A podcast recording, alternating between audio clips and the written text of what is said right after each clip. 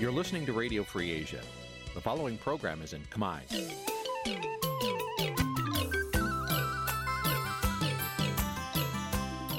Nǐ ជាកម្មវិធីផ្សាយ Vuthu Azizi Serai នេះជាកម្មវិធីផ្សាយរបស់ Vuthu Azizi Serai ជាភាសាខ្មែរ Vuthu Azizi Serai សូមស្វាគមន៍លោកអ្នកនាងទាំងអស់ពីរដ្ឋធានី Washington នៃសហរដ្ឋអាមេរិកពីរដ្ឋធានី Washington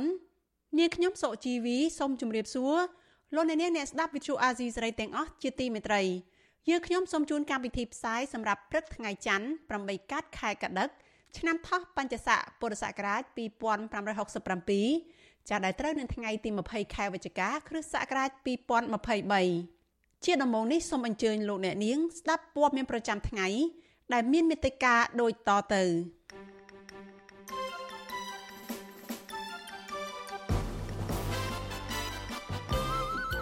អ្នកវិភាគថារដ្ឋាភិបាលគណៈបកប្រជាជនកម្ពុជា ខ្វល់តែពីអំណាចនិងបកពួកមិនខ្វល់ពីប្រជាពលរដ្ឋមន្ត្រីអង្គការសង្គមស៊ីវិលមើលឃើញថាការមិនអើពើរកអ្នកទទួលខុសត្រូវពីករណីជន់គ្នាស្លាប់នៅកោះពេជ្រធ្វើឲ្យអ្នករងគ្រោះនិងគ្រួសារមិនអាចឃើញពន្លឺយុត្តិធម៌ អ្នកជំនាញសុខាភិបាលបារម្ភពីបញ្ហាសុខភាពពលរដ្ឋក្នុងរយៈពេលវែងដោយសារចំណីអាហារគ្មានគុណភាពក្រមយុវជនរកឃើញថាក្រុមហ៊ុនកាយភ្នំធម្មជាតិនៅក្នុងខេត្តបាត់ដំបងធ្វើឲ្យប៉ះពាល់ប្រជាពលរដ្ឋជាច្រើនពាន់គ្រួសាររួមនឹងព័ត៌មានសំខាន់សំខាន់មួយចំនួនទៀតជាបន្តទៅទៀតនេះនាងខ្ញុំសុជីវីសូមជូនព័ត៌មានទាំងនេះពិស្ដា លោកអ្នកនាងជាទីមេត្រី អ្នកឃ្លាំមើលមើលឃើញថាមូលហេតុដែលរដ្ឋាភិបាលរបស់គណៈបកប្រជាជនកម្ពុជាមិនព្រមបន្ធូរបន្ថយបរិយាកាសនយោបាយនិងបើកលំហប្រជាធិបតេយ្យឡើងវិញនៅឡើយនេះគឺដើម្បីងាយស្រួលក្រាញអំណាចដោយគ្មានគូប្រជែងលោកច័ន្ទដារ៉ូរាយការណ៍អំពីរឿងនេះអ្នកខ្លមមើលនយោបាយលើកឡើងថាប្រសិនបើរដ្ឋាភិបាល បើកឲ្យប្រជាពលរដ្ឋអាចអនុវត្តនៅសិទ្ធិសេរីភាពពេញលេញនោះរដ្ឋាភិបាលនឹងពិបាកក្នុងការទទួលសម្លេងគាំទ្រពីប្រជាពលរដ្ឋដោយសារបញ្ហាអសកម្មជាច្រើននៅក្នុងសង្គមមិនបានដោះស្រាយដូចជាអំពើពុករលួយ ការបំផ្លាញទ្រព្យសម្បត្តិជាតិនិងបពពួកនិយមនៅតាមស្ថាប័នរដ្ឋជាដើម ពួកគេថាដើមហេតុទាំងនេះហើយគឺជាចំណុចស្នូលដែលរដ្ឋាភិបាលរបស់លោកហ៊ុនម៉ាណែតមិនហ៊ានក្នុងការបើកលំហសេរីភាពជូនប្រជាពលរដ្ឋនិងដើរតាមគោលការណ៍ប្រជាធិបតេយ្យនោះអ្នកសិក្សាផ្នែកច្បាប់លោកវ៉ាន់ចាន់លូតមានប្រសាសន៍ថា កន្លងមករដ្ឋាភិបាលតែងតែផាត់ចោលមតិរិះគន់ចេញពីគណៈបកប្រឆាំងសង្គមស៊ីវិលជាពិសេសប្រជាពលរដ្ឋដែលជាម្ចាស់អំណាចមួយចំនួនខណៈអ្នកប្រើប្រាស់សិទ្ធិសេរីភាពខ្លះត្រូវរងការចាប់ខ្លួននិងចោទប្រកាន់តាមប្រព័ន្ធតុលាការថែមទៀតលោកថារដ្ឋាភិបាលបច្ចុប្បន្នហាក់គ្មានចេតនាបង្កបរិយាកាសនយោបាយឲ្យប្រសើរឡើងវិញនោះទេ ពីព្រោះគោលដៅសំខាន់បំផុត ការក្តោបក្តាប់អំណាចឲ្យបាន បើទោះបីអំណាចនោះទទួលបានដោយអំពើខុសឆ្គងយ៉ាងណាក៏ដោយរដ្ឋាភិបាលគេពិនិត្យទៅលើផលប្រយោជន៍នៃអំណាចបើសិនជារដ្ឋាភិបាលបើកឲ្យមាននៅការអនុវត្តសិទ្ធិសេរីភាពបើកឲ្យមាននៅការរិះគន់អីអីជាដើមដូច្នេះគឺរដ្ឋាភិបាលនឹងពិបាកនៅក្នុងការទទួលបាននៅការគ្រប់គ្រងពីប្រជាពលរដ្ឋពីព្រោះយើងដឹងសង្គមសប្តាហ៍វាមាននៅបញ្ហាអសកម្មជាច្រើនកន្លងទៅអង្គការសិទ្ធិមនុស្សជាតិនិងអន្តរជាតិ រួមទាំងគណៈបកប្រឆាំងតែងតែផ្ដល់អនុសាសន៍ជាច្រើនជុំវិញការរំលោភសិទ្ធិមនុស្សនិងប្រជាធិបតេយ្យនៅកម្ពុជា ជាពិសេសការលើកស្ទួយសិទ្ធិសេរីភាពផ្នែកនយោបាយការជួបជុំនិងសេរីភាពក្នុងការបញ្ចេញមតិឲ្យស្របតាមស្តង់ដារអន្តរជាតិដែលកម្ពុជាទទួលស្គាល់ប៉ុន្តែមកដល់ពេលនេះលោកហ៊ុនម៉ាណែតមិនទាន់បង្ហាញជំហរដោះស្រាយបញ្ហាសំខាន់សំខាន់ដូចជាវិបត្តិនយោបាយនៅឡើយទេមិនតែប៉ុណ្ណោះ កម្ពុជាក្រោមការដឹកនាំរបស់លោករយៈពេល4ខែមកនេះមានសកម្មជននយោបាយ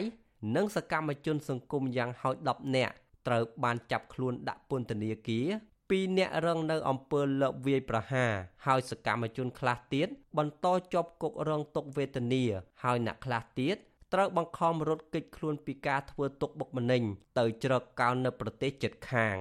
វិទ្យុអាស៊ីសេរី មិនអាចតាក់ទងប្រធានអង្គភិបអ្នកណែនាំពាក្យរដ្ឋាភិបាលលោកប៉ែនបណ្ណាដើម្បីឆ្លើយតបជុំវិញរឿងនេះបានទេនៅថ្ងៃទី19ខែវិច្ឆិកានេះជុំវិញរឿងនេះអ្នកជំនាញវិទ្យាសាស្ត្រនយោបាយនិងទំនាក់ទំនងអន្តរជាតិ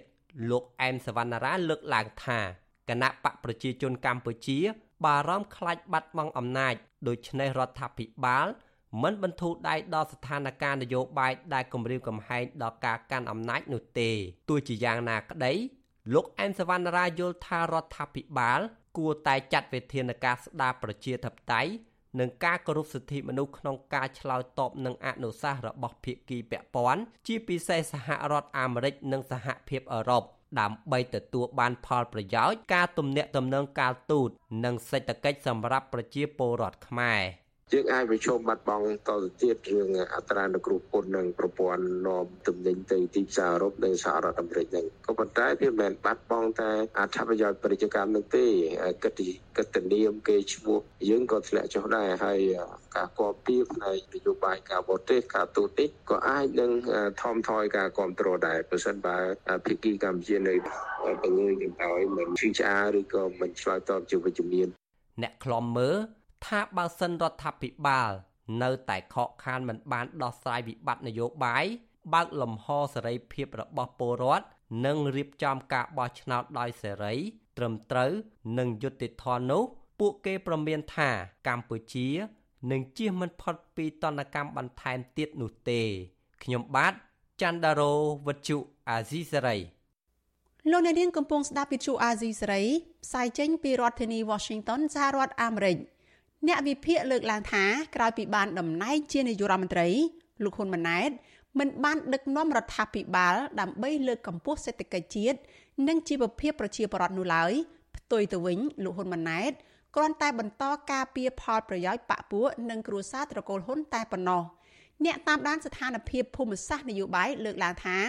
ប្រជាពលរដ្ឋនឹងប្រឈមនឹងជីវភាពកាន់តែលំបាកប្រសិនបើរដ្ឋាភិបាលលោកហ៊ុនម៉ាណែត នៅតែបន្តពឹងផ្អែកលើប្រទេសចិន និងមិនបញ្ឈប់ការរំលោភសិទ្ធិមនុស្សចាប់ពីរដ្ឋធានី Washington លោកមានរិទ្ធរាយការណ៍ព័ត៌មាននេះជូនលោកអ្នកនាងដូចតទៅគិតរហូតមកដល់ចុងខែវិច្ឆិកានេះនាយករដ្ឋមន្ត្រីថ្មីលោកហ៊ុនម៉ាណែតបានឡើងមកដឹកនាំរដ្ឋាភិបាល បន្តពីឪពុករបស់លោកអស់រយៈពេលជិត100ថ្ងៃមកហើយអ្នកអធិបាលនយោបាយលោកកឹមសុខប្រាវិសុយស៊ីស្រីនៅថ្ងៃទី19ខែវិច្ឆិកាថាក្រោយពីឡើងកាន់អំណាច លោកហ៊ុនម៉ាណែតមិនបានធ្វើការងារជាក់ស្ដែងដើម្បីលើកកម្ពស់ជីវភាពរបស់ប្រជាពលរដ្ឋនោះឡើយលោកបន្តថាការងារដែលនាយករដ្ឋមន្ត្រីថ្មីរូបនេះធ្វើភាកច្រើនគ្រាន់តែជាការរៀនថ្លែងសន្ទរកថាឲ្យរត់មាត់និងដើរខ្ចីលុយពីបរទេសដើម្បីការពារអំណាចរបស់ខ្លួនតែប៉ុណ្ណោះ ប៉ុន្តែរឿងទាំងអស់នេះសុទ្ធតែបរាជ័យពីព្រោះសន្ទរកថារបស់ហ៊ុនម៉ាណែតក៏ប្រជាពលរដ្ឋអត់ចាប់អារម្មណ៍ចំណែកឯការទៅខ្ចីលុយបរទេសឧទាហរណ៍ខ្ចីលុយចិនជាដើមមកដល់ពេលនេះអត់មានសញ្ញាថាចិនឲ្យលុយខ្ចីនោះទេដូច្នេះរដ្ឋាភិបាលរបស់ហ៊ុនម៉ាណែតធ្លាក់ទៅក្នុងវិបត្តិយ៉ាងជ្រៅដោះស្រាយមិនរួចទេបញ្ហានយោបាយក៏មិនហ៊ានដោះស្រាយបញ្ហាសេដ្ឋកិច្ចទេសចរកាន់តែវក់វី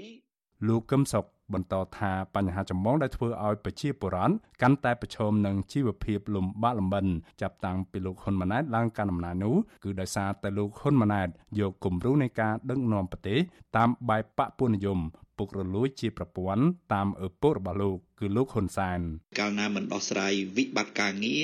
វិបត្តិសេដ្ឋកិច្ចនឹងកើតមានកាន់តែធំធ្លាក់ទៅដល់វិបត្តិហិរញ្ញវត្ថុទៅទៀតរីឯវិបត្តិនយោបាយវិញ ខ្ញុំមើលទៅគាត់ចាំស្ដាប់តែខ្យល់ពីឪពុករបស់គាត់សុទ្ធសាធគ្មានសមត្ថភាពទាល់តែសោះក្រៅពីបន្តរដ្ឋបတ်សេរីភាពនយោបាយតាមរយៈការបញ្ចេញលេខិតទុតិយតានៃប្រកាសចុះបញ្ជីគណៈបកភ្លើងទៀននៅក្រសួងមហាផ្ទៃដើម្បីឲ្យគណៈបកនេះអាចចូលរួមប្រគល់ប្រជែងការបោះឆ្នោតជ្រើសរើសក្រុមប្រឹក្សាខេត្តក្រុងស្រុកខណ្ឌនិងរាជធានីនៅក្នុងឆ្នាំ2024ខាងមុខនោះហើយ រដ្ឋាភិបាលលោកហ៊ុនម៉ាណែតក៏នៅតែបន្តធ្វើនយោបាយការបរទេសលំអៀងទៅប្រទេសចិនបន្ថែមពីនេះរដ្ឋាភិបាលលោកហ៊ុនម៉ាណែតក៏នៅតែមិនទាន់បង្ហាញឲ្យសហគមន៍អន្តរជាតិអស់ចិត្តអំពីការអភិវឌ្ឍកំពង់ផែកងទ័ពជើងទឹករៀមនៅក្នុងខេត្តព្រះសីហនុនិងកំពង់ផែតារាសាគរនៅក្នុងខេត្តកោះកុងដែលត្រូវបានគេសង្ស័យថាអាចជាទីតាំងយុទ្ធសាស្ត្ររបស់យោធាចិនផងដែរជុំវិញរឿងនេះ អ្នកតាមដានភូមិសាស្ត្រនយោបាយតំបន់អាស៊ីអាគ្នេយ៍និងប៉ាស៊ីហ្វិកលោកសេងវ៉ាន់លីលើកឡើងថាបញ្ហាចម្បងដែលធ្វើឲ្យកម្ពុជាកាន់តែប្រឈមនឹងវិបត្តិសេដ្ឋកិច្ចគឺមិនមែនបណ្ដាលមកពីផលប៉ះពាល់នៃការរីករាលដាលជំងឺ Covid-19 និងបញ្ហាសង្គ្រាមនៅអ៊ុយក្រែននិងតំបន់ហ្គាហ្សានោះទេ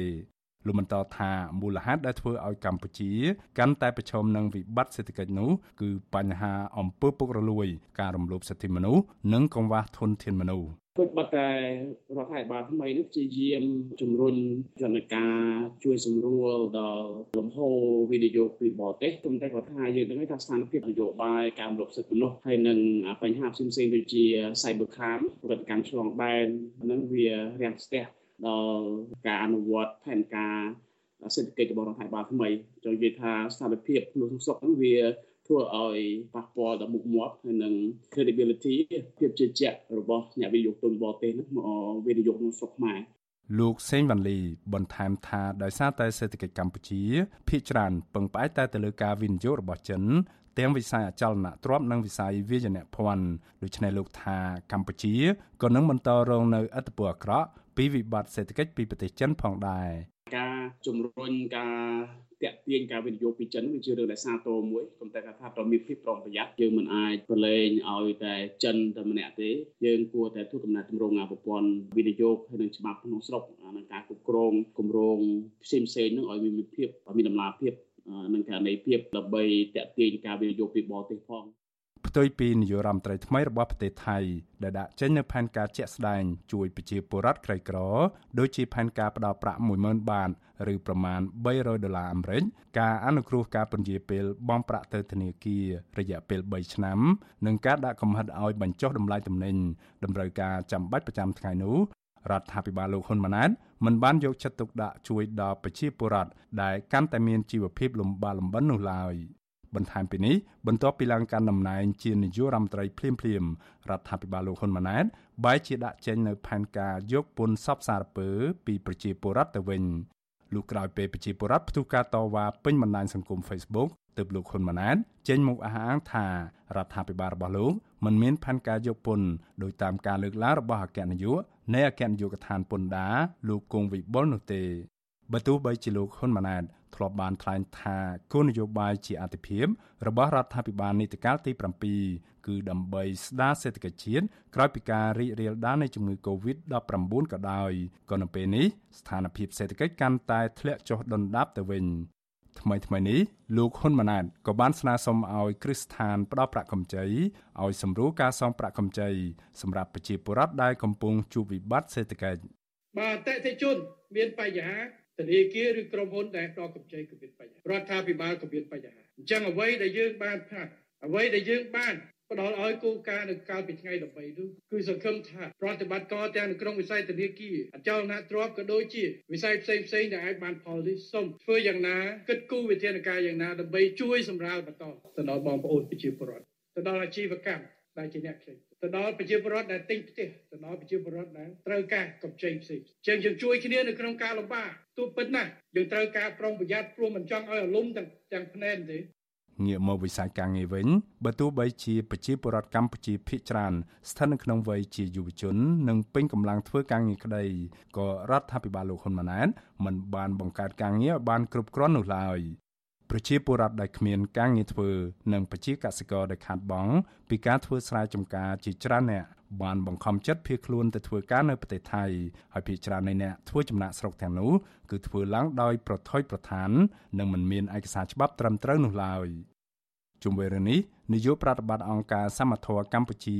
លោកអៀងវុធីយល់ឃើញថាក្រៅពីរដ្ឋាភិបាលមិនអាចរកចំណូលបានច្រើនពីវិស័យទេសចរនិងវិស័យកសិកម្មហើយនោះ ថ្នាក់ដឹកនាំរដ្ឋាភិបាល គួរតែបើកលំហប្រជាធិបតេយ្យនិងលើកកម្ពស់ការគោរពសិទ្ធិមនុស្សដើម្បីទទួលបានការបញ្ជាទិញផលិតផលវាយនភ័ណ្ឌឲ្យបានច្រើនឡើងវិញ ពីបណ្ដាប្រទេសអឺរ៉ុបនិងសហរដ្ឋអាមេរិកការលក់ផលិតផលរបស់យើងទៅបណ្ដាប្រទេសទាំងអស់នឹងបានទាល់តែអាចបំពេញលក្ខខណ្ឌ សិទ្ធិនៃការចូលរួមសកម្មភាពនយោបាយគណៈបកនយោបាយជាដើមអញ្ចឹងនេះគួរតែមានការចាប់ផ្ដើមពិនិត្យឡើងវិញថាតើយើងអាចធ្វើការជាមួយគ្នាយ៉ាងម៉េចជាពិសេសគ្រប់និន្នាការនយោបាយហ្នឹងដើម្បីឲ្យប្រទេសយើងអាចបំពេញបាននៅលក្ខខណ្ឌផ្សេងផ្សេងជាពិសេសការធ្វើការរស់ស៊ីជាមួយបណ្ដាប្រទេសសេរីទាំងអស់នោះបាទ របាយការណ៍របស់ធនាគារពិភពលោកចេញផ្សាយកាលពីចុងខែតុលារកឃើញថាសេដ្ឋកិច្ចកម្ពុជា នៅតែងាយដួលរលំដោយសារតែកម្ពុជាពឹងផ្អែកខ្លាំងទៅលើទីផ្សារនាំចេញ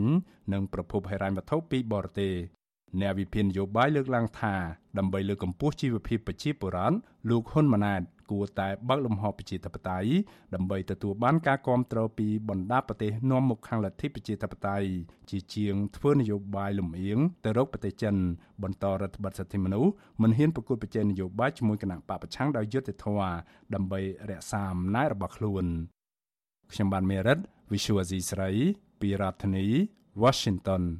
លោកអ្នកនាងកញ្ញាជាទីមេត្រីងាកមកព័ត៌មានតកតនឹងសោកនាដកម្មនៃការរត់ជន់គ្នាស្លាប់នៅលើស្ពានពេជ្រនៅកោះពេជ្រកាលពី13ឆ្នាំមុនមន្ត្រីអង្គការសង្គមស៊ីវិលនៅតែជំរុញរដ្ឋាភិបាលបើកការស៊ើបអង្កេតរកអ្នកទទួលខុសត្រូវក្នុងព្រឹត្តិការណ៍ជន់គ្នាស្លាប់នៅលើស្ពានកោះពេជ្រដើម្បីរកយុត្តិធម៌ជូនជនរងគ្រោះនិងស្រាយមន្ទិលសង្ស័យនៅក្នុងករណីនេះពួកគាត់សង្កេតឃើញថារដ្ឋាភិបាល ហាក់គ្មានឆន្ទៈនៅក្នុងការស្វែងរកមូលហេតុនៅពីក្រោយករណីនេះមកបញ្ជាក់ឲ្យបានច្បាស់លាស់នោះទេ បន្ទាប់ពីមានពលរដ្ឋស្លាប់រាប់រយនាក់រួចមកចាសសូមអញ្ជើញលោកអ្នកនាងស្ដាប់សេចក្តីរាយការណ៍របស់លោកជាតិចំណានអំពីរឿងនេះនៅសាររយៈពេល3ថ្ងៃទៀតប៉ុណ្ណោះគឺដល់គម្រប់ខួប13ឆ្នាំនៃព្រឹត្តិការណ៍ជន់គ្នាស្លាប់នៅស្ពានកោះពេជ្ររាជធានីភ្នំពេញគណៈអាជ្ញាធរនៅតែមិនទាន់ស្វែងរកការពិតនិងអ្នកដែលទទួលខុសត្រូវក្នុងព្រឹត្តិការណ៍នោះយកមកផ្ដន់ទោសតាមផ្លូវច្បាប់នៅឡើយទេ ប្រធានមជ្ឈមណ្ឌលប្រជាពលរដ្ឋដើម្បីអភិវឌ្ឍនិងសន្តិភាពលោកយងកំឯងប្រាប់វិសុអេស៊ីស្រីនៅថ្ងៃទី19ខែវិច្ឆិកាថាអញ្ញាធរគួរតែស្វែងរកការពិតនៅពីក្រោយព្រឹត្តិការណ៍ជន់គ្នាស្លាប់នៅស្ពានកោះពេជ្រដើម្បីបង្ហាញនិងបញ្យល់ដល់ប្រជាពលរដ្ឋជាពិសេសសាច់ញាតិជនរងគ្រោះលោកបន្តថាការទុកសាច់ញាតិជនរងគ្រោះចោលនឹងឲ្យពលរដ្ឋមានមន្ទិលសង្ស័យចំពោះបញ្ហានេះមិនមែនជាដំណោះស្រាយល្អនោះទេពីព្រោះបញ្ហានេះនឹងធ្វើឲ្យប៉ះពាល់ដល់ផ្លូវចិត្តរបស់ក្រុមគ្រួសារជនរងគ្រោះត្រូវសិក្សាឲ្យល្អិត ពីឫសគល់ពីដើមហេតុហើយក៏ត្រូវតែមានកំណត់ហេតុមានរបាយការណ៍ជាក់លាក់ដើម្បីអាចជាមេរៀនជាបទពិសោធន៍បាទឲ្យចែកចាយហើយថាតើកំហុសនោះកំហុសរបស់អ្នកណាឲ្យច្បាស់លាស់អ្នកណាដែលចូលរួមខុសហើយថាតើសមត្ថភាពរបស់អាជ្ញាធរនឹងនៅមានកម្រិតឬក៏កំហុសរបស់អាជ្ញាធរឬក៏កំហុសរបស់អ្នកណាបាទហ្នឹងគឺត្រូវតែឲ្យមានការកត់ត្រាបានច្បាស់លាស់សម្រាប់ជាការរៀនសូត្រនៅថ្ងៃអនាគតហើយដើម្បីបញ្ជៀសបញ្ហាអស់ហ្នឹងក្នុងព្រឹត្តិការណ៍ជាន់គ្នាស្លាប់នៅស្ពានកោះពេជ្រក្នុងរាជធានីភ្នំពេញកាលពីថ្ងៃទី22ខែវិច្ឆិកាឆ្នាំ2010ដែលជាថ្ងៃចុងក្រោយនៃពិធីបុណ្យអុំទូកដែលបានធ្វើឲ្យមនុស្ស350នាក់ស្លាប់និងរាប់រយនាក់ផ្សេងទៀតរងរបួសរយៈពេល13ឆ្នាំមកនេះក្រុមគ្រួសារជនរងគ្រោះខ្លះនៅតែសោកស្ដាយចំពោះការបាត់បង់សាច់ញាតិរបស់ពួកគេនិងអ្នកខ្លះទៀតយល់ថាជាការធ្វើប្រហែសរបស់អាជ្ញាធរដែលបណ្ដាលឲ្យកើតមានអបតវហេតុនេះបើទោះបីជារដ្ឋាភិបាលបានឧបត្ថម្ភថវិកាដល់គ្រួសារជនរងគ្រោះ និងបានសាងសង់ស្ទូបរំលឹកវិញ្ញាណក្ខន្ធដល់អ្នកស្លាប់ក្តីក៏មកដល់ពេលនេះរដ្ឋាភិបាលនៅតែមិនទាន់អាចស្វែងរកការពិតនិងមិនបានចាប់អ្នកទទួលខុសត្រូវណាម្នាក់ក្នុងព្រឹត្តិការណ៍នេះមកដាក់ទោសឬទទួលកំហុសនោះឡើយបញ្ហានេះធ្វើឲ្យប្រជាពលរដ្ឋនិងមន្ត្រីសង្គមស៊ីវិលយល់ឃើញថារដ្ឋាភិបាលហាក់ទុកការស្លាប់របស់ប្រជាពលរដ្ឋជារឿងមិនសំខាន់និងគ្មានទំនួលខុសត្រូវក្នុងនាមជាអាជ្ញាធរដែលការពារប្រជាពលរដ្ឋវិសុវស៊ីសេរីមិនអាចតាក់ទងแนะនាំពាក្យសាលាក្រុងភ្នំពេញលោកមេតមាសភក្តី និងអភិបាលរាជធានីភ្នំពេញលោកខួងស្រេងដើម្បីសុំការបកស្រាយជុំវិញបញ្ហានេះបានទេនៅថ្ងៃទី19ខែវិច្ឆិកាជុំវិញរឿងនេះអ្នកនាំពាក្យសមាគមការពារសិទ្ធិមនុស្សអាត់ហុកលោកសង្សានករណាក៏សម្គាល់ឃើញថាបន្ទាប់ពីរដ្ឋាភិបាលបានផ្តល់ថវិកាបន្តិចបន្តួចទៅឲ្យក្រុមគ្រួសារជនរងគ្រោះលោកនៅតែមិនទាន់ឃើញរដ្ឋាភិបាលស្វែងរកយុត្តិធម៌ជូនក្រុមគ្រួសារជនរងគ្រោះឡើយលោកអំពាវនាវឲ្យរដ្ឋាភិបាលបង្កើនការប្រុងប្រយ័ត្ននិងដាក់កម្លាំងយាមល្បាតគ្រប់ច្រកល្ហ កក្នុងពិធីបុណ្យអុំទូកខាងមុខនេះ ទាំងសមត្ថកិច្ចនិងអាជ្ញាធរដែលពាក់ព័ន្ធទាំងអស់ប្រកបបីមានការយកចិត្តទុកដាក់ក្នុងការការពារនិងថែរក្សាសម្ដាប់ធ្នាប់ឬក៏សុខភាពរបស់ប្រជាពលរដ្ឋដែលមកលេងមកកំសាន្តក្នុងការជួបជុំគ្នានឹងជាព្រាមកុំឲ្យមានគ្រោះថ្នាក់ដោយប្រការណាមួយកើតឡើងយើងដូចដែលយើងបានធ្លាប់ដឹងនេះពេលកន្លងមកហើយអញ្ចឹងការជួបជុំនេះវាជារឿងមួយដែលសប្បាយរីករាយរួមប្រជាពលរដ្ឋយើងក៏មិនចង់ឃើញនៅរឿងទុកសោកដែលកើតមានឡើងចំពោះប្រជាពលរដ្ឋទៀតដែរ ទន្ទឹមនឹងការរំលឹកខួប13ឆ្នាំនៃព្រឹត្តិការណ៍ជន់គ្នាស្លាប់នៅកោះពេជ្រនេះអាជ្ញាធរក្រុងភ្នំពេញក៏បានរៀបចំកម្មវិធីបុណ្យអុំទូកបណ្ដែតប្រទីបផងដែរគឺចាប់ពីថ្ងៃទី26ខែវិច្ឆិកាដល់ថ្ងៃទី28ខែវិច្ឆិកានៅមុខព្រះបរមរាជវាំងទោះជាយ៉ាងណាមន្ត្រីអង្គការសង្គមស៊ីវិលយល់ឃើញថារដ្ឋាភិបាលគួរតែយកចិត្តទុកដាក់ចំពោះការស្វែងរកការពិតជូនក្រុមគ្រួសារជនរងគ្រោះនិងធ្វើពិធីរំលឹកខួបឲ្យមានភាពអ៊ូអរជាងមុនដើម្បីផ្សព្វផ្សាយដល់ពលរដ្ឋឲ្យប្រុងប្រយ័ត្ន នៅពេលដែលមានកម្មវិធីជួបជុំគ្នានៅទីសាធារណៈដែលមានមនុស្សច្រើនខ្ញុំបាទជាចំណាន Visual Assisray ពីរដ្ឋធានី Washington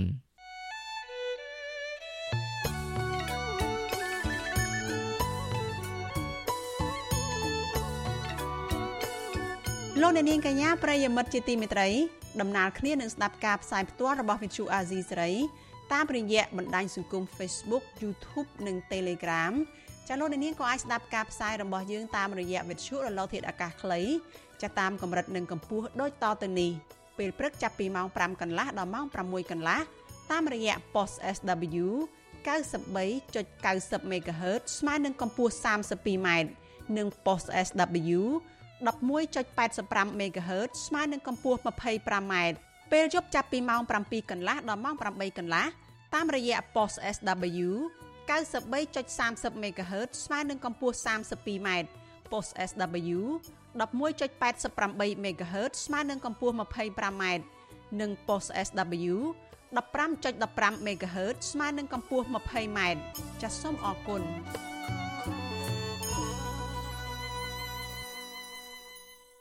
លោកអ្នកនាងកញ្ញាជាទីមេត្រីសេចក្តីរាយការណ៍ពីប្រទេសថៃឯណោះឲ្យដឹងថាពលករខ្មែរដែលកំពុងធ្វើការនៅប្រទេសថៃ ចោទប្រកាន់ក្រុមមេខ្ចលដែលជាអ្នកគាំទ្រគណៈបកកាន់អំណាចថាបានបោកប្រាស់ពួកគេតាមបណ្ដាញសង្គម Facebook ថាជួយរកការងារធ្វើនៅប្រទេសថៃ តែនៅពេលដែលទៅដល់ប្រទេសថៃគ្មានការងារធ្វើដោយការសន្យានោះឡើយអ្នកការពារសិទ្ធិពលករជំរុញទៅមន្ត្រីស្ថានទូតថាគួរចាត់វិធានការលើជនខិលខូចទាំងនោះបើមិនដូច្នោះទេ ពលករជាច្រើនអ្នកទៀតនឹងរងគ្រោះព្រោះបញ្ហានេះដដែលចាលោកសេកបណ្ឌិត រាយការណ៍ព័ត៌មាននេះពលករខ្មែរដែលចេញទៅរកការងារធ្វើនៅប្រទេសថៃ កំពុងចាញ់បោកក្រុមមេខ្យល់ដែលអះអាងថាខ្លួនជាអ្នកគាំទ្រគណៈបកប្រជាជនកម្ពុជាក្រុមមេខ្យល់ទាំងនោះយកអធិបុលគណៈបកនេះប្រមានមិនអោយប្តឹងទៅសមត្ថកិច្ចថៃឬមន្ត្រីស្ថានទូតខ្មែរប្រចាំនៅប្រទេសថៃឡើយបើមិនដូច្នោះទេ ក្រុមពលករប្រឈមនឹងគ្មានការងារធ្វើនិងមិនអាចបានប្រាក់ដែលពួកគេដកហូតពីពលករមកវិញឡើយពលករចាញ់បោកមេខ្យល់ម្នាក់លោកស៊ីនសាវិនប្រាប់បទសុអសីសេរីនៅថ្ងៃទី18វិច្ឆិកាថាលោកមកធ្វើការងារនៅប្រទេសថៃដោយឃើញមានការបង្ហោះព័ត៌មានជ្រើសរើសពលករឲ្យមកធ្វើការងារនៅប្រទេសថៃតាមទំព័រ Facebook លោកបន្តថាពេលមកដល់ប្រទេសថៃដំបូងមានការងារធ្វើរយៈពេល2ខែ ក្រោយមក បានបង់ប្រាក់ទៅឲ្យក្រុមមេខ្យល់ចំនួន5000បាតឬស្មើនឹងជិត200ដុល្លារលោកបន្តថាលោកធ្វើការបានតែ2ខែរោងចក្រលែងមានការងារឲ្យលោកធ្វើដោយលោកត្រូវស្នាក់នៅក្នុងបន្ទប់ជួលជាច្រើនខែដើម្បីរងចាំការងារថ្មី វិស័យដល់ការងាររើសបន្ទាន់ទៅបន្ទាន់អញ្ចឹងដល់ពេលយើងតាក់តងទៅយកមិនយក3000ដបង3000ឆ្លៃចំនួនចូលរោងចក្រអញ្ចឹងដល់ពេលធ្វើបាន2ខែទៅវាអស់ការងារអញ្ចឹងទៅខាងរោងចក្រក៏ដកយើងចេញលោកស៊ីនសាវិនបន្តថារូបលោកនិងពលករផ្សេងទៀតបានទៀមទាឲ្យក្រុមមេខ្យល់ដោះស្រាយបញ្ហានេះប៉ុន្តែពួកគេមិនដោះស្រាយឲ្យទេនិងប្រមានមិនឲ្យប្តឹងទៀតលោកប្រាប់ថាក្រុមមេខ្យល់មានគ្នាច្រើន ទាំងក្រុមហ៊ុននៅស្រុកខ្មែរនិងភ្នាក់ងារនៅប្រទេសថៃហើយពួកគេអះអាងថាខ្លួនមានទំនាក់ទំនងជិតស្និទ្ធជាមួយនឹងមន្ត្រីស្ថានទូតខ្មែរប្រចាំនៅប្រទេសថៃនិងជាសកម្មជនគណបកប្រជាជនកម្ពុជានៅក្នុងប្រទេសថៃគេអាអាងថាដេគេហ្នឹងដើរមួយស្ថានទូតខ្សែគ្នាគេហ្នឹងស្ថានទូតតែរូបរូបថតឃើញគេហ្នឹងឃើញមានមែនដើរមួយស្ថានទូតគេដើរឃោសនាជាមួយគ្នាមែនបងក្រុមពលករឲ្យដឹងទៀតថាក្រុមមេខ្យល់ទាំងនោះ ផ្សព្វផ្សាយនៅតាមបណ្ដាញសង្គម Facebook ថាត្រូវការជ្រើសរើសពលករមកធ្វើការងារនៅក្នុងប្រទេសថៃជាបន្ទាន់តែពលករធ្វើការងារបានតែមួយរយៈពេលខ្លីគឺគ្មានការងារឲ្យធ្វើទៀតទេចំណែកឯកសារនិងប្រាក់ថ្លៃរត់ការឯកសារក៏ត្រូវបានក្រុមមេខ្យល់ដកហូតមិនប្រគល់មកវិញដែរអ្នកធ្វើការងារសង្គមនិងជួយការពារសិទ្ធិពលករខ្មែរនៅប្រទេសថៃលោកប្រាក់ភក្ត្រាឲ្យដឹងថាក្រុមមេខ្យល់ដែលបង្ហោះតាម Facebook ជ្រើសរើសពលករមកធ្វើការងារនៅប្រទេសថៃតែងតែបង្ហោះរូបភាពដែលមានទំនាក់ទំនងជាមួយនឹងមន្ត្រីស្ថានទូតខ្មែរប្រចាំនៅប្រទេសថៃក្រោមរូបភាពធ្វើសកម្មភាពគាំទ្រគណៈបកកណ្ដាលអំណាចលោកប្រាក់ភត្រាឲ្យដឹងទៀតថាត្រឹមរយៈពេល1ខែមកនេះយ៉ាងហោចណាស់មានពលករជាង10នាក់បានពឹងពាក់ឲ្យលោកជួយផ្សព្វផ្សាយករណីចាញ់បោកមីខ្យល់រកការងារឲ្យធ្វើតាមបណ្ដាញសង្គម Facebook អ្នកធ្វើការងារសង្គមរូបនេះយល់ថាក្រមមេខ្យល់ដែលពាក់អាវគណៈបកប្រជាជនកម្ពុជា តែងតែមកកេងប្រវ័ញ្ចកម្លាំងពលករដូច្នេះគឺងាយធ្វើឲ្យពលករជឿទុកចិត្តលោកជំរុញឲ្យស្ថាប័នពាក់ព័ន្ធនិងស្ថានទូតកម្ពុជាប្រចាំនៅប្រទេសថៃចាត់វិធានការផ្លូវច្បាប់ទប់ស្កាត់ជនខិលខូចទាំងនេះ។ ដល់អញ្ចឹងទៅវាធ្វើឲ្យពលករនោះគ្នារងគ្រោះហើយមិនទទួលបានគេហៅថាភាពយុត្តិធម៌ព្រោះថាក្រុមមេខ្យល់ទាំងអស់ហ្នឹងវាវាពាក់អាវប៉ាក់មករស់ស៊ីបោកប្រាស់បកអញ្ចឹងវាជារឿងត្រឹមត្រូវហើយវាជារឿងមួយដែលធ្វើបាបខ្មែរគ្នាឯងដែលគ្នាមកគ្មានការងារក្នុងស្រុកហើយមកនៅស្រុកគេហើយត្រូវអាបាក់ពួកមេខ្យល់ដែលជាអាងថាក្រុមសកម្មជនបាក់ហ្នឹងមកធ្វើបាបជាជាន់គ្នាទៀតតើតើនឹងបញ្ហានេះ វិទ្យុអសីសេរីនៅពុំទាន់អាចសុំការបំភ្លឺពីប្រធានអនុព័ន្ធការងារអមស្ថានទូតកម្ពុជាប្រចាំនៅប្រទេសថៃលោកឈឹមវិបុលអ្នកនាំពាក្យក្រសួងការបរទេសលោកអានសុខឿនបានទេ នៅថ្ងៃទី18ខែវិច្ឆិកាចំណែកអ្នកនាំពាក្យគណៈបកប្រជាជនកម្ពុជា លោកឈឹមផលវរុនសុំមិនបកស្រាយអំពីរឿងនេះទេក្រមពលករបារម្ភថាប្រសិនបើស្នើទៅមន្ត្រីស្ថានទូតកម្ពុជា គេមិនជួយអន្តរាគមន៍ និងមានពលករជាច្រើនអ្នកផ្សេងទៀតចាញ់បោកក្រុមមេខ្យល់ទាំងនោះទោះយ៉ាងណាអ្នកការពារសិទ្ធិពលកររិះគន់មន្ត្រីស្ថានទូតកម្ពុជាប្រចាំនៅប្រទេសថៃថាពួកគេធ្វើការងារសកម្មតែរឿងពង្រឹងបាក់ទេប៉ុន្តែបើពលករជួបការរំលោភបំពានសិទ្ធិឬចាញ់បោកមេខ្យល់គេមិនសូវឃើញមន្ត្រីស្ថានទូតជួយអន្តរាគមន៍ទាន់ពេលវេលាឡើយរបាយការណ៍របស់ក្រសួងការងារកម្ពុជាឲ្យដឹងថា បច្ចុប្បន្នមានពលករខ្មែរជាង1លាន2សែននាក់កំពុងធ្វើការងារនៅក្នុងប្រទេសថៃប៉ុន្តែរបាយការណ៍របស់អង្គការសង្ត្រាល់បង្ហាញថាមានពលករខ្មែរកំពុងធ្វើការងារដោយស្របច្បាប់ និងមិនស្របច្បាប់នៅប្រទេសថៃប្រមាណ2លាននាក់ដោយមួយចំនួនពួកគាត់ទទួលរងការរំលោភបំពានសិទ្ធិការងារនិងបាត់បង់ផលប្រយោជន៍ដែលធ្វើឲ្យប៉ះពាល់ដល់បញ្ហាផ្នែកសេដ្ឋកិច្ចគ្រួសារខ្ញុំបាទសេកបណ្ឌិត វិទ្យុអាស៊ីសេរីពីរដ្ឋធានីវ៉ាស៊ីនតោនលោកអ្នកនាងកញ្ញាជាទីមេត្រីព័ត៌មានជាបន្តទៅទៀតនេះចាតតទៅនឹងស្ថានភាពរបស់អ្នកជាប់ឃុំដែលជាសកម្មជនគណៈបកភ្លើងទៀនចាគ្រួសារអះអាងថាមន្ត្រីគណៈបកភ្លើងទៀនគឺលោកខឿនវិរៈធ្លាក់ខ្លួនឈឺនៅក្នុងពន្ធនាគារព្រៃសរដោយសារតែមន្ត្រីពន្ធនាគារមិនសូវយកចិត្តទុកដាក់ថែទាំជាពិសេសមិនអនុញ្ញាតឲ្យលោកទៅព្យាបាលជំងឺតាមការណែនាំរបស់គ្រូពេទ្យនៅមន្ទីរពេទ្យខាងក្រៅពន្ធនាគារ មន្ត្រីសិទ្ធិមនុស្សស្នើដល់អាជ្ញាធរពន្ធនាគារយកចិត្តទុកដាក់ព្យាបាលជំងឺរបស់ជនជាប់ឃុំឲ្យបានត្រឹមត្រូវចាលោកច័ន្ទរោមានសេចក្តីរាយការណ៍ដាច់ដោយឡែកមួយទៀតអំពីរឿងនេះសាច់ញាតិលោកខឿនវិរៈព្រួយបារម្ភអំពីសុខភាពរបស់មន្ត្រីគណៈបកប្រឆាំងរូបនេះកំពុងធ្លាក់ខ្លួនឈឺក្នុងពន្ធនាគារ ថាអាចប៉ះពាល់ដល់សុខភាពធ្ងន់ធ្ងរប្រសិនបើមិនបញ្ជូនគាត់ទៅពិនិត្យព្យាបាលនៅមន្ទីរពេទ្យខាងក្រៅឲ្យទាន់ពេលប្រពន្ធមន្ត្រីគណៈបកភ្លើងទៀនលោកខឿនវិរៈគឺអ្នកស្រីថាច់ចន្ទធូប្រវត្តិជអាស៊ីសេរីនៅថ្ងៃទី18ខែវិច្ឆិកាថា កាលនៅមានសេរីភាពប្តីអ្នកស្រីតែងតែព្យាបាលជំងឺពើកនិងជំងឺលើសឈាមពីគ្រូពេទ្យជំនាញប៉ុន្តែក្រោយពេលជាប់ឃុំរយៈពេល10ខែមកនេះប្តីអ្នកស្រីបានខកខានពិនិត្យតាមដាន ដែលធ្វើឲ្យជំងឺធ្វើទុករហូតវិលមុខញ័រដៃជើងជាដើម អ្នកស្រីបន្ថែមថាប្តីអ្នកស្រីបានក្តៅខ្លួនស្លេកស្លាំងខ្លាំងជាច្រើនថ្ងៃមកនេះទោះជាយ៉ាងណាក្តី អ្នកស្រីមិនទាន់ទទួលដំណឹងអំពីមូលហេតុនៃជំងឺ និងស្ថានភាពសុខទុក្ខប្តីនៅឡើយទេ ក្រោយពេលគ្រូពេទ្យនៅក្នុងពន្ធនាគារចូលយកឈាមទៅពិនិត្យនៅមន្ទីរពិសោធន៍រួចមក ខ្ញុំថាបើយើងខាងនឹងបើអត់មើលគាត់ដឹកដល់ទេមានន័យថាគ្រោះថ្នាក់ដល់គាត់ចឹងណាបងព្រោះយើងឈឺយើងត្រូវមានពេទ្យមានអីគ្រប់គ្រាន់ដែលពិនិត្យគាត់ចឹងដល់ពេលយើងឈឺចឹងអត់មានណាមើលដឹកដល់យើងទៅដល់ដូចបញ្ហាដល់គ្រប់ថ្នាក់ដែលព្រោះថាខ្ញុំដែរតែចឹងខ្ញុំបារម្ភដែរពេលចឹងយើងគាត់នៅក្នុងនឹងយើងអត់បានថែទាំគាត់ អ្នកស្រីថាច់ចន្ទធូឲ្យដឹងថា កាលពីពេលថ្មីថ្មីនេះគ្រូពេទ្យជំនាញនៅមជ្ឈមណ្ឌលសុខភាពមេត្តាករណាកម្ពុជា បានចេញលិខិតបញ្ជាក់ថា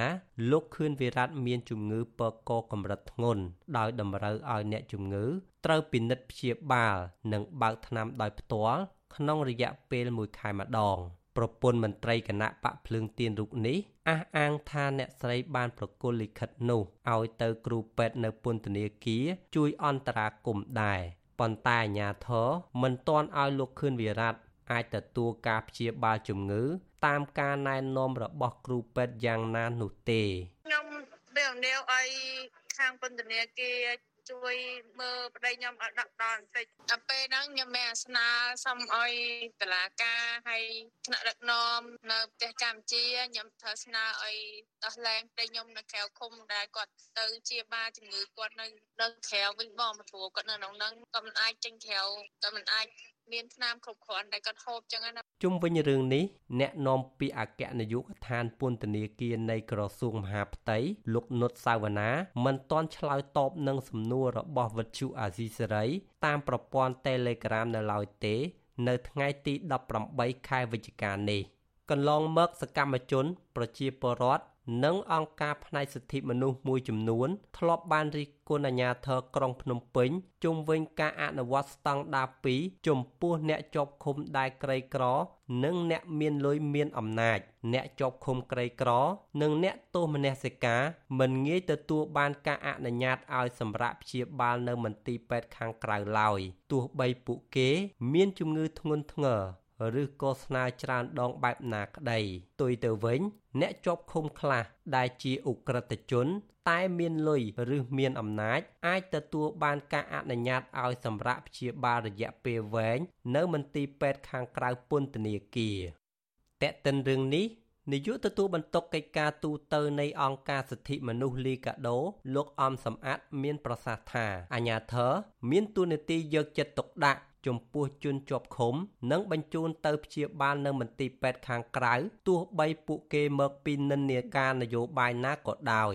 លោកយល់ថាប្រសិនបើករណីគ្រូពេទ្យនៅក្នុងពន្ធនាគារពុំមានលទ្ធភាពព្យាបាលជំងឺនោះទេអាជ្ញាធរពន្ធនាគារគួរតែស្នើសុំតុលាការអនុញ្ញាតឲ្យលោកខឿនវិរៈបានទៅពិនិត្យព្យាបាលនៅមន្ទីរពេទ្យខាងក្រៅពីព្រោះការធ្វេសប្រហែសនាំឲ្យគ្រោះថ្នាក់ដល់អាយុជីវិត ឬប៉ះពាល់ដល់សុខភាពជនជាប់ឃុំ ជាការទទួលខុសត្រូវរបស់មន្ត្រីពន្ធនាគារចំពោះមុខច្បាប់បញ្ហាដែលគេរិះគន់អំពីលំហសេរីភាពនយោបាយយើងគឺមានការធ្លាក់ចុះហ្នឹងហើយអាណត្តិរាជរដ្ឋាភិបាលទី7ហើយតែជាឈាមជ័រថ្មីផងខ្ញុំគិតថាដើម្បីសម្រួលនៃបញ្ហាលំហនយោបាយទាំងអស់ហ្នឹង សកម្មជននយោបាយដែលពាក់ព័ន្ធនឹងការចោទប្រកាន់ហើយគេរិះគន់ថាវាជារឿងនយោបាយច្រើនជាងការអនុវត្តច្បាប់នោះគឺតែពិចារណានៅក្នុងការដោះលែងឲ្យមានសេរីភាពដើម្បីបើកលំហសេរីភាពនយោបាយនឹងឲ្យបានទូលាយឡើងវិញនោះបាទលោកខឿនវិរៈ វ័យ33ឆ្នាំមានដើមកំណើតខ្មែរក្រោមនិងជាអ្នកនយោបាយថ្នាក់មូលដ្ឋានដ៏សកម្មនិងស្មោះត្រង់ចំពោះឆន្ទៈម្ចាស់ឆ្នោតដែលបោះឆ្នោតឲ្យលោកក្លាយទៅជាចៅសង្កាត់រងទី1នៅក្រុងភ្នំពេញមកពីគណៈបកសង្គ្រោះជាតិកាលពីឆ្នាំ2017បច្ចុប្បន្ន លោកជាប្រធានចលនាយុវជនថ្នាក់ជាតិរបស់គណៈបកភ្លើងទៀនអាជ្ញាធរក្រុងភ្នំពេញបានចាប់ខ្លួនលោករួមជាមួយមន្ត្រីគណៈបកភ្លើងទៀនពីររូបផ្សេងទៀតគឺលោកតូចថងនិងអ្នកស្រីនូសុធារី កាលពីថ្ងៃទី24ខែមិនិនាក្រោយពេលតឡាការក្រុងភ្នំពេញកាត់ទោសពួកគេឲ្យជាប់ពន្ធនាគារ2ឆ្នាំ ពីបទក្លែងបន្លំឯកសារក្នុងការបង្កើតគណៈបកបេះដូងជាតិកាលពីឆ្នាំ2021 សាលាឧត្តរភ្នំពេញនឹងបើកសវនាការជំនុំជម្រះលើបណ្ដឹងជំទាស់របស់លោកខឿនវិរៈនិងអ្នកស្រីនូសុធារី នៅព្រឹកថ្ងៃទី30ខែវិច្ឆិកាខាងមុខនេះប៉ុន្តែគ្រួសារសង្ឃឹមថាសាលាឧត្តរភ្នំពេញនឹងទម្លាក់ចោលការចោទប្រកាន់ហើយដោះលែងប្តី និងសកម្មជនផ្សេងទៀតឲ្យមានសេរីភាពឡើងវិញ ពីព្រោះការឃុំខ្លួនមនុស្សដែលស្អាតស្អំឲ្យរងទុក្ខវេទនាបែកបាក់គ្រួសារគឺជាការដាក់ទណ្ឌកម្មផ្លូវចិត្តនិងផ្លូវកាយលើអ្នកតស៊ូដើម្បីបុព្វហេតុជាតិខ្ញុំបាទច័ន្ទដារោវុទ្ធុអាស៊ីសេរី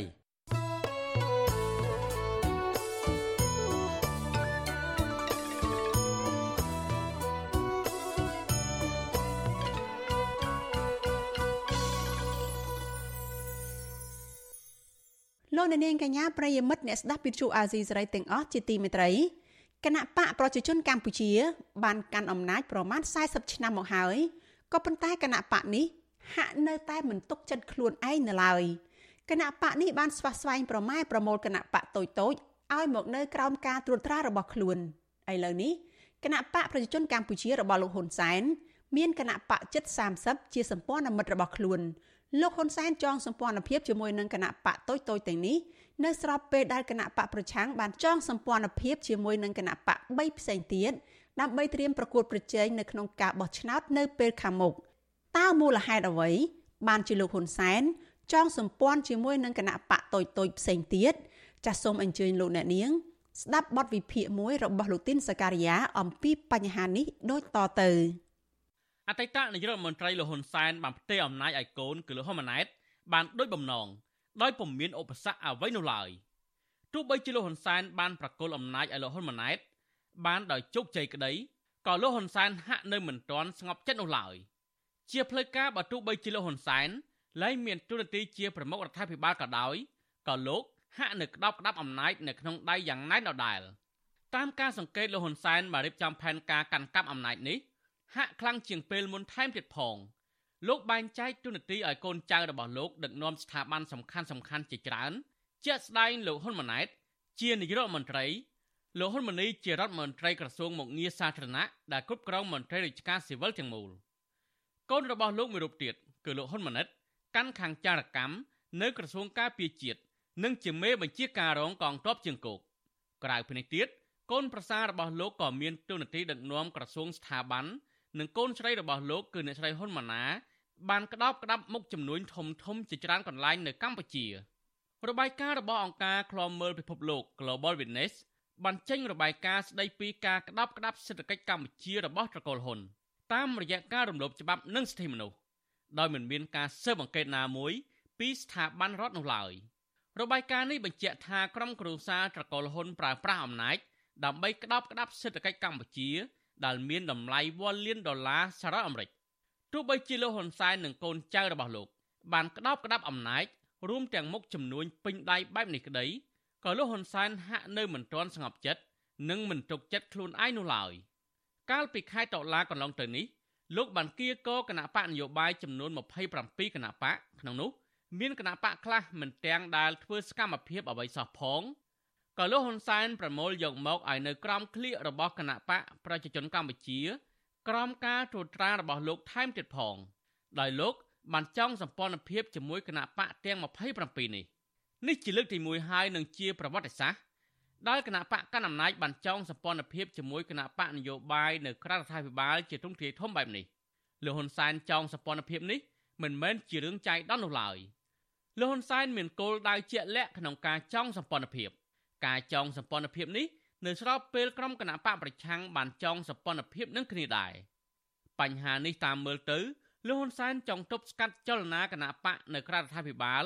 មិនឲ្យរួបរวมគ្នាផងនិងចង់ឲ្យគណៈបកនៅក្រៅរដ្ឋាភិបាលមួយចំនួនទៀតរត់មកនៅក្រោមឃ្លៀករបស់លោកផងនិងដើម្បីងាយស្រួលគ្រប់គ្រងជាធម្មតាគណៈបកនៅក្រៅរដ្ឋាភិបាលឬគណៈបកប្រឆាំងស្វះស្វែងចងសម្ព័ន្ធភាពនឹងគ្នាដើម្បីមានកម្លាំងខ្លាំង ឬមានអ្នកគាំទ្រច្រើនដើម្បីប្រកបប្រជែងជាមួយគណៈបកកណ្ដាលអំណាចឧទាហរណ៍ដូចជាគណៈបកសិទ្ធិមនុស្សនិងគណៈបកសំរងស៊ីបញ្ចង់សម្ព័ន្ធភាពនឹងគ្នា ហើយចូលរួមការបោះឆ្នោតកាលពីឆ្នាំ2013ជាដើម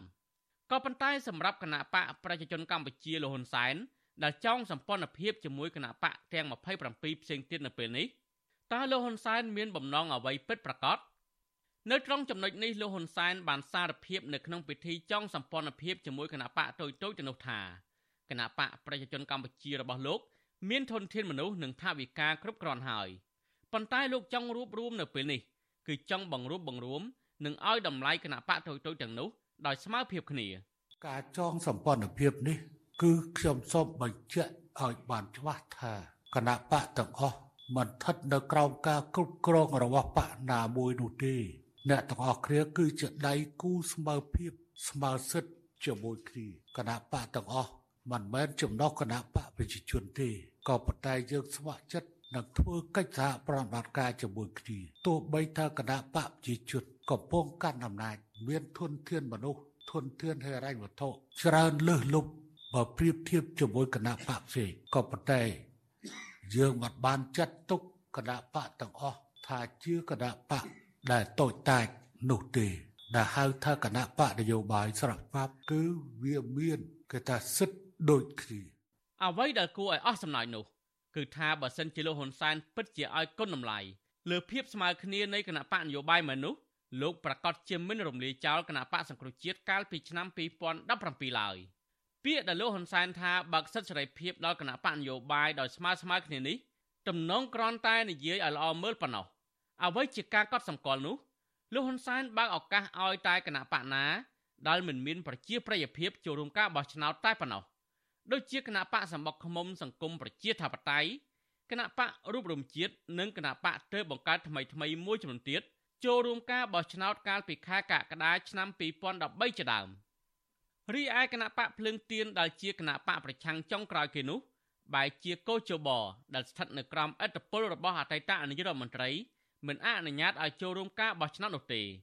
ក្រមលេសថាគ្មានលិខិតចុះបញ្ជីច្បាប់ដើមនៅក្រសួងមហាផ្ទៃលហ៊ុនសែនចង់សម្ព័ន្ធភាពជាមួយគណៈបកតូចតូចជិត30ទៀតនេះតំណងជាលោកចង់ឲ្យគណៈបកទាំងនេះជួយទប់លំនឹងកៅអីនាយករដ្ឋមន្ត្រីកូនប្រុសរបស់លោកនៅឆ្លងពេលដែលក្រុមអ្នកប្រជាធិបតេយ្យកំពុងស្វះស្វែងចង់សម្ព័ន្ធភាពរឹងមាំដើម្បីប្រកួតប្រជែងជាមួយគណៈបកកាន់អំណាចនៅក្នុងពេលបោះឆ្នោតខាងមុខនៅទន្ទឹមនឹងនេះ លោកហ៊ុនសែនក៏បានតែងតាំងមេដឹកនាំគណៈបកនយោបាយនៅក្នុងសម្ព័ន្ធរបស់លោកឲ្យមានតួនាទីជាសមាជិកឧត្តមប្រឹក្សាពិគ្រោះយោបល់របស់រដ្ឋាភិបាលដែរដោយពួកគេស៊ីប្រាក់ខែរដ្ឋដែលជាលុយបង់ពន្ធរបស់ប្រជាពលរដ្ឋទោះបីជាគណៈបកទាំងនោះប្រជាពលរដ្ឋមិនបានបោះឆ្នោតឲ្យក៏ដោយចុះអ្នកសង្កេតការយល់ឃើញថាការយកលុយរបស់ប្រជាពលរដ្ឋទៅចំណាយលើប្រាក់ខែគណៈបករណបគណៈបកប្រជាជនកម្ពុជាទាំង27នេះ គឺជាការចំណាយខ្ជិះខ្ជាយថវិកាជាតិឥតប្រយោជន៍និងមិនត្រឹមត្រូវលន់សានធ្វើរឿងទាំងអស់នេះសុទ្ធសឹងតែជាការលួងចិត្តដើម្បីឲ្យមន្ត្រីគណៈបកទាំង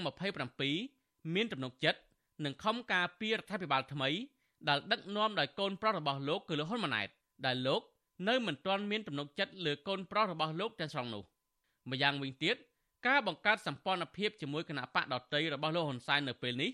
ក៏ទំនងជាលោកភ័យខ្លាចគណៈបកទុយទុយរួមគ្នាហើយចង់សម្ព័ន្ធជាមួយគណៈបកប្រឆាំងឬកម្លាំងអ្នកប្រជាធិបតេយ្យដែលអាចជាការគំរាមកំហែងដល់គណៈបកប្រជាជនកម្ពុជារបស់លោកដូច្នេះលោកហ៊ុនសែនមិនបានបង្អង់យូរឡើយក្រោយពីឃើញគណៈបកភ្លឹងទៀនរៀបចំចង់សម្ព័ន្ធជាមួយគណៈបកដទៃទៀតនោះលោកក៏ប្រញាប់ប្រញាល់ប្រមូលគណៈបកតូចតូចដល់គណៈបកខ្លះមិនដាល់ធ្វើសកម្មភាពផងនោះមកបង្កើតជាសម្ព័ន្ធ ដើម្បីត្រៀមទប់ទល់ជាមួយកម្លាំងអ្នកប្រជាធិបតេយ្យ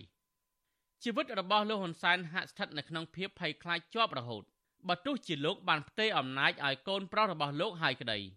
អ្វីដែលលោកទំនងជាភ័យខ្លាចនៅពេលនេះគឺកម្លាំងអ្នកប្រជាធិបតេយ្យរួមគ្នាជាសម្ព័ន្ធคล้ายជាគណៈបកប្រឆាំងដ៏រឹងមាំនិងមានប្រជាប្រិយភាពដោយពេលគណៈបកសំរងស៊ីនិងគណៈបកសិទ្ធិមនុស្សបានរួមគ្នាคล้ายជាគណៈបកសង្គ្រោះជាតិ ដែលបានឈ្នះអាសនៈចំនួន55អាសនៈនៅក្នុងការបោះឆ្នោតសកលកាលពីឆ្នាំ2013នេះហើយគឺជាមូលហេតុពិតប្រាកដដែលបង្ខំឲ្យលោកហ៊ុនសែនបង្គាប់ឲ្យតុលាការកំពូលរំលាយគណៈបកសង្គ្រោះជាតិចោលដោយអយុត្តិធម៌នោះខ្ញុំបាទទីនសាការីយ៉ាអាស៊ីសេរីពីរដ្ឋធានី Washington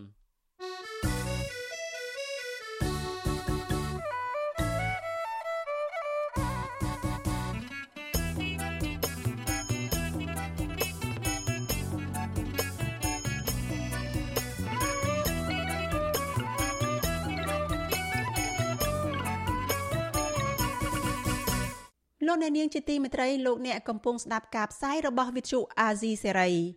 អ្នកជំនាញសុខាភិបាលនិងមន្ត្រីសហជីពបារម្ភពីបញ្ហាសុខភាពរបស់ក្រុមកម្មកររោងចក្រនិងពលរដ្ឋដែលមានចំណូលទាបដោយសារតែពួកគេបរិភោគអាហារដែលគ្មានគុណភាព ស្របពេលដែលកម្ពុជាកំពុងជួបវិបត្តិសេដ្ឋកិច្ចពួកគាត់ស្នើដល់រដ្ឋាភិបាលឲ្យដោះស្រាយបញ្ហាចំពោះមុខដោយពន្យាពេលឲ្យពួកគេបង់សងធនាគាររយៈពេល1ឆ្នាំដើម្បីឲ្យពលរដ្ឋ មានលទ្ធភាពស្ដារសេដ្ឋកិច្ចឡើងវិញសិនចាលោកជីវតា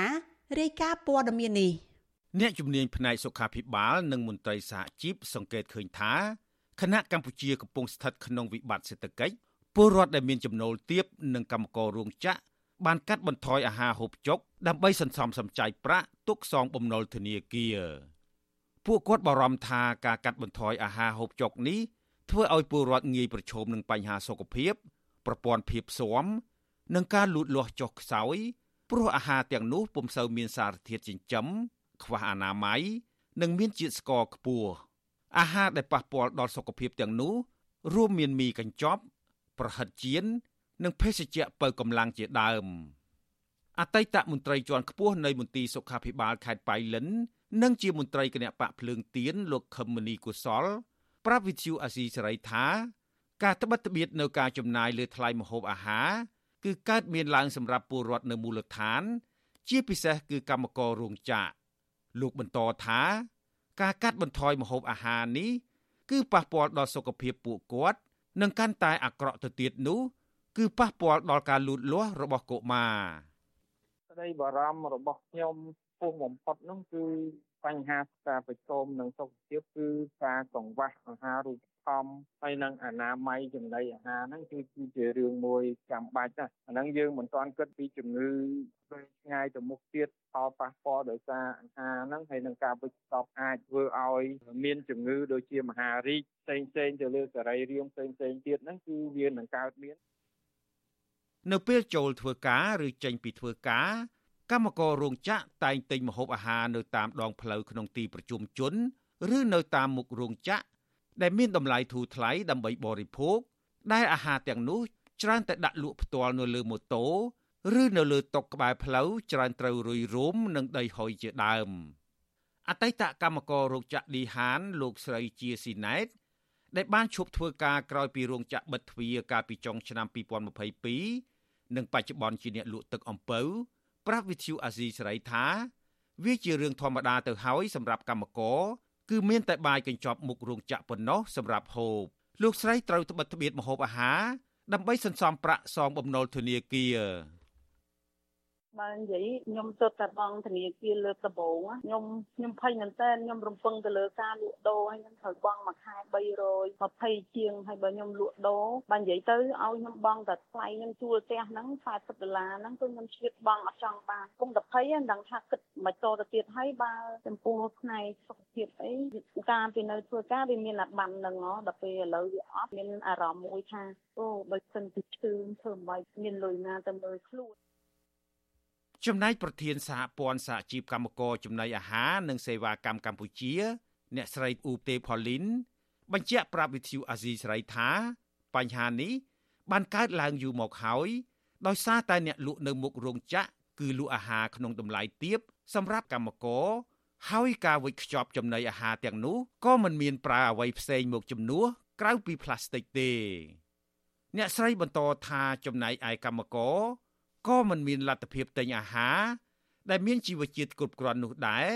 ដោយសារតែអាហារទាំងនោះមានតម្លៃខ្ពស់ស្របពេលប្រាក់ខែគោលរបស់កម្មករមានតែជាង200ដុល្លារក្នុងមួយខែ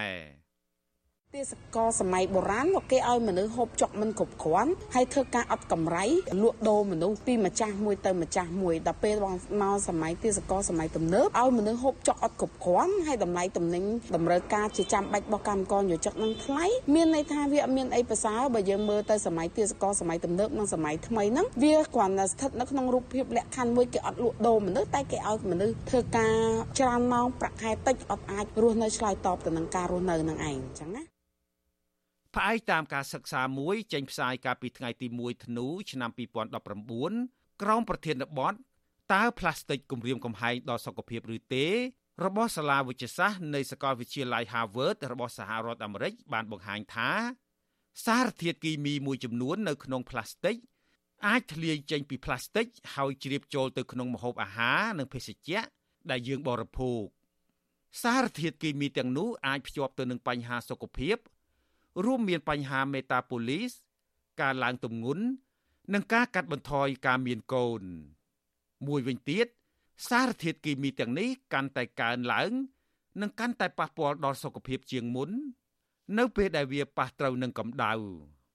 វិទ្យុអាស៊ីសេរីនៅពុំទាន់អាចតាក់ទងប្រធានអង្គភិបអ្នកណាំពាក្យរដ្ឋាភិបាលលោកប៉ែនប៊ុនណាដើម្បីសុំការឆ្លើយតបចំពោះការលើកឡើងនេះបាននៅឡើយទេ នៅថ្ងៃទី19វិច្ឆិកា តាក់ទងនឹងបញ្ហានេះអតីតមន្ត្រីជាន់ខ្ពស់នៃមន្ទីរសុខាភិបាលខេត្តបៃលិនលោកខឹមមនីកុសល លើកឡើងថា ដើម្បីដោះស្រាយបញ្ហាចំពោះមុខរដ្ឋាភិបាលគួរតែជួយពន្យាពេលក្នុងការសងបំណុលរបស់ពលរដ្ឋក្រីក្រ និងកម្មកររោងចក្រដល់ធនាគារ នេះយើងមិនបាច់មើលអីច្រើនទេយើងមើលតែទៅលើប្រទេសជិតខាងជាពិសេសប្រទេសថៃដែលគេមាន GDP មានប្រាក់ចំណូលគ្រួសារប្រចាំឆ្នាំខ្ពស់ជាងប្រជាពលរដ្ឋកម្ពុជាគេនៅតែពន្យាពេលការបង់ធនាគារឲ្យពលរដ្ឋគេរហូតដល់3ឆ្នាំហើយគេមានកម្មវិធីផ្ដល់សាច់ប្រាក់ឲ្យប្រជាពលរដ្ឋហ្នឹងដើម្បីឲ្យគាត់យកទៅចាយវាយយកទៅចំណាយនៅក្នុងការផ្គត់ផ្គង់សេដ្ឋកិច្ចគ្រួសារហ្នឹងហើយផ្ទុយទៅវិញរដ្ឋាភិបាលយើងហាក់ដូចជាមិនអើពើ កាលពីថ្ងៃទី29ខែតុលាអង្គការសង្ត្រាល់បានធ្វើការស្ទង់មតិកម្មករចំនួន300នាក់មកពីរោងចក្រចំនួន20ហើយរកឃើញថាកម្មករ91%ជំពាក់បំណុលធនាគារគណៈកម្មករ70%អះអាងថា បំណុលរបស់ពួកគេកើនឡើងទ្វេដងនៃប្រាក់ជំពាក់ការស្ទង់មតិបង្ហាញឲ្យដឹងផងដែរថាកម្មករប្រមាណ40%ជំពាក់បំណុលធនាគាររហូតទៅដល់3កន្លែង ដោយសារពួកគាត់ខ្ចីពីកន្លែងមួយយកទៅសងកន្លែងមួយទៀតអ្នកជំនាញសុខាភិបាលសហជីពនិងពលរដ្ឋទទូចដល់រដ្ឋាភិបាលឲ្យអន្តរាគមជួយពន្យាពេលសងបំណុលធនាគារមួយឆ្នាំ ស្ដារការគោរពសិទ្ធិមនុស្សនិងលទ្ធិប្រជាធិបតេយ្យឡើងវិញដើម្បីទទួលបានប្រព័ន្ធអនុគ្រោះពន្ធ EBA របស់សហគមន៍អឺរ៉ុបនិង GSP របស់សហរដ្ឋអាមេរិកដែលផ្ដល់ផលប្រយោជន៍ធំធេងសម្រាប់ប្រជាពលរដ្ឋនិងប្រទេសកម្ពុជា ខ្ញុំជីវិតាអាស៊ីសេរី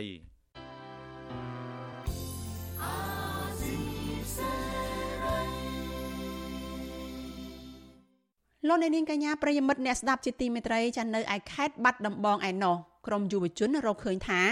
សកម្មភាពកាយកំតិចភ្នំតាក្រៀមនិងភ្នំធម្មជាតិជាច្រើនផ្សេងទៀតដែលជាអត្តសញ្ញាណនៅក្នុងភូមិកំណើតរបស់អ្នកស្រុកបាណន់កាន់តែរីករាលដាលធំឡើង បង្កផលប៉ះពាល់ដល់ប្រជាពលរដ្ឋរាប់ពាន់គ្រួសារនៅតំបន់នោះការលើកឡើងនេះក្រោយពីពួកគាត់បានចុះស្រាវជ្រាវនិងប្រមូលព័ត៌មានពីបច្ចុប្បន្នភាពនៃអាជីវកម្មកាយភ្នំ បង្កឡើងដោយក្រុមហ៊ុនឯកជន និងបុគ្គលមានលុយមានអំណាចចាលោកសេកបណ្ឌិត មានសេចក្តីរាយការណ៍មួយទៀតអំពីរឿងនេះក្រមយុវជនរស់នៅរាជធានីភ្នំពេញនិងខេត្តបាត់ដំបងទាមទាររដ្ឋាភិបាលពិនិត្យឡើងវិញពីអាជីវកម្មរំលាយភ្នំតាក្រៀម និងភ្នំជាច្រើនទៀតដើម្បីយកដីនិងថ្មស្ថិតនៅក្នុងស្រុកបាណន់ខេត្តបាត់ដំបងដែលពួកគាត់ចោទថាខ្វះតម្លាភាពពួកគាត់រកឃើញថាអាញាធរខេត្តនេះមិនយកចិត្តទុកដាក់ដោះស្រាយទុកកង្វល់របស់ប្រជាពលរដ្ឋជាច្រើនពាន់គ្រួសារដែលរងផលប៉ះពាល់ដោយផ្ទាល់នៅជុំវិញភ្នំទាំងនេះទេរីឯពលរដ្ឋជិត1000គ្រួសារទៀតរស់នៅក្នុងភូមិប៉ោយស្វាយនិងភូមិតាក្រៀម ក្នុងឃុំតាក្រៀមត្អូញត្អែពីការបាត់បង់កន្លែងអាស្រ័យផលព្រៃឈើកន្លែងខ្វៀលគោនិងជំរកសត្វព្រៃនៅតាមបណ្ដោយជើងភ្នំក្រមយុវជនរស់នៅខេត្តបាត់ដំបងកញ្ញាខេមរារស្មីប្រាប់វិទ្យុអស៊ីសេរីថាអាជីវកម្មការយកដីនិងថ្មរំលេចភ្នំទាំងនេះបង្កប់ភាពមិនប្រក្រតីជាច្រើនហើយសំណុំពរទាំងឡាយរបស់ប្រជាពលរដ្ឋមិនទាន់ឃើញអាជ្ញាធរដោះស្រាយនៅឡើយទេកញ្ញាបន្ថែមថាបច្ចុប្បន្នគ្រឿងចាក់ជាច្រើនគ្រឿងកំពុងមមាញឹក បំផ្ទុះថ្ម និងរថយន្តដឹកថ្មរាប់សិបគ្រឿងទៀតបើកយ៉ាងលឿនកាត់មុខផ្ទះពលរដ្ឋកើតមានគ្រោះថ្នាក់ចរាចរណ៍ជាញឹកញាប់កញ្ញាបារម្ភថាបរិស្ថានធម្មជាតិជុំវិញផ្ទះអ្នកភូមិដែលធ្លាប់ស្រស់បំប្រងហុំព័ទ្ធទៅដោយព្រៃភ្នំបែរជាបាត់បង់នៅចំនួននេះ នឹងយើងចង់ឲ្យអាជ្ញាធរគាត់បង្ហាញនៅតម្លាភាពបើមិនជាគាត់យកអានឹងទៅអភិវឌ្ឍឬក៏ធ្វើផ្លូវថ្នល់អីសូមគាត់បង្ហាញជាទូទៅឲ្យប្រជាពលរដ្ឋថ្នល់អីយើងដឹងទាំងអស់គ្នាក៏ប៉ុន្តែជាក់ស្ដែងឥឡូវហ្នឹងយើងអត់ដឹងថាគាត់យកដីហ្នឹងទៅលក់ជាកម្មសិទ្ធិឯកជនឬក៏ជាការអភិវឌ្ឍម្យ៉ាងវិញទៀតយើងសោកស្ដាយដោយសារតែ តំបន់ភ្នំវាជាតំបន់ប្រវត្តិសាស្ត្រមួយសម្រាប់ជនជាតិយើងអញ្ចឹងណាបើមិនជាវាបាត់បង់ទៅដោយដោយការប្រើប្រាស់មិនមានតម្លាភាពអាហ្នឹងវាជារឿងមួយដែលដែលយើងទទួលយកអត់បានទេបងក្រមយុវជនរកឃើញថាកាលពីមិនទាន់មានវត្តមានក្រុមហ៊ុនកាយថ្មភ្នំ ទេសភាពតាមជើងភ្នំសម្បូរទៅដោយព្រៃឈើសត្វព្រៃនិងកន្លែងខ្វៀលគោក្របី របស់អ្នកស្រុកបាណន់ជាច្រើនពាន់គ្រួសារក៏ប៉ុន្តែបច្ចុប្បន្នតំបន់នោះត្រូវក្រុមហ៊ុនឯកជនយ៉ាងហោចណាស់ចំនួន5 ដណ្ដើមគ្នាពុះចាយភ្នំទ្រូងទ្រាយធំ កាន់តែច្រើនឡើង នៅរយៈពេលជាង5ឆ្នាំចុងក្រោយនេះ។បន្ថែមពីលើនេះទៀតពលរដ្ឋជាច្រើនគ្រួសាររស់នៅតាមជើងភ្នំ រំខានដោយសម្លេងក្របរំសេវបំផ្ទុះថ្ម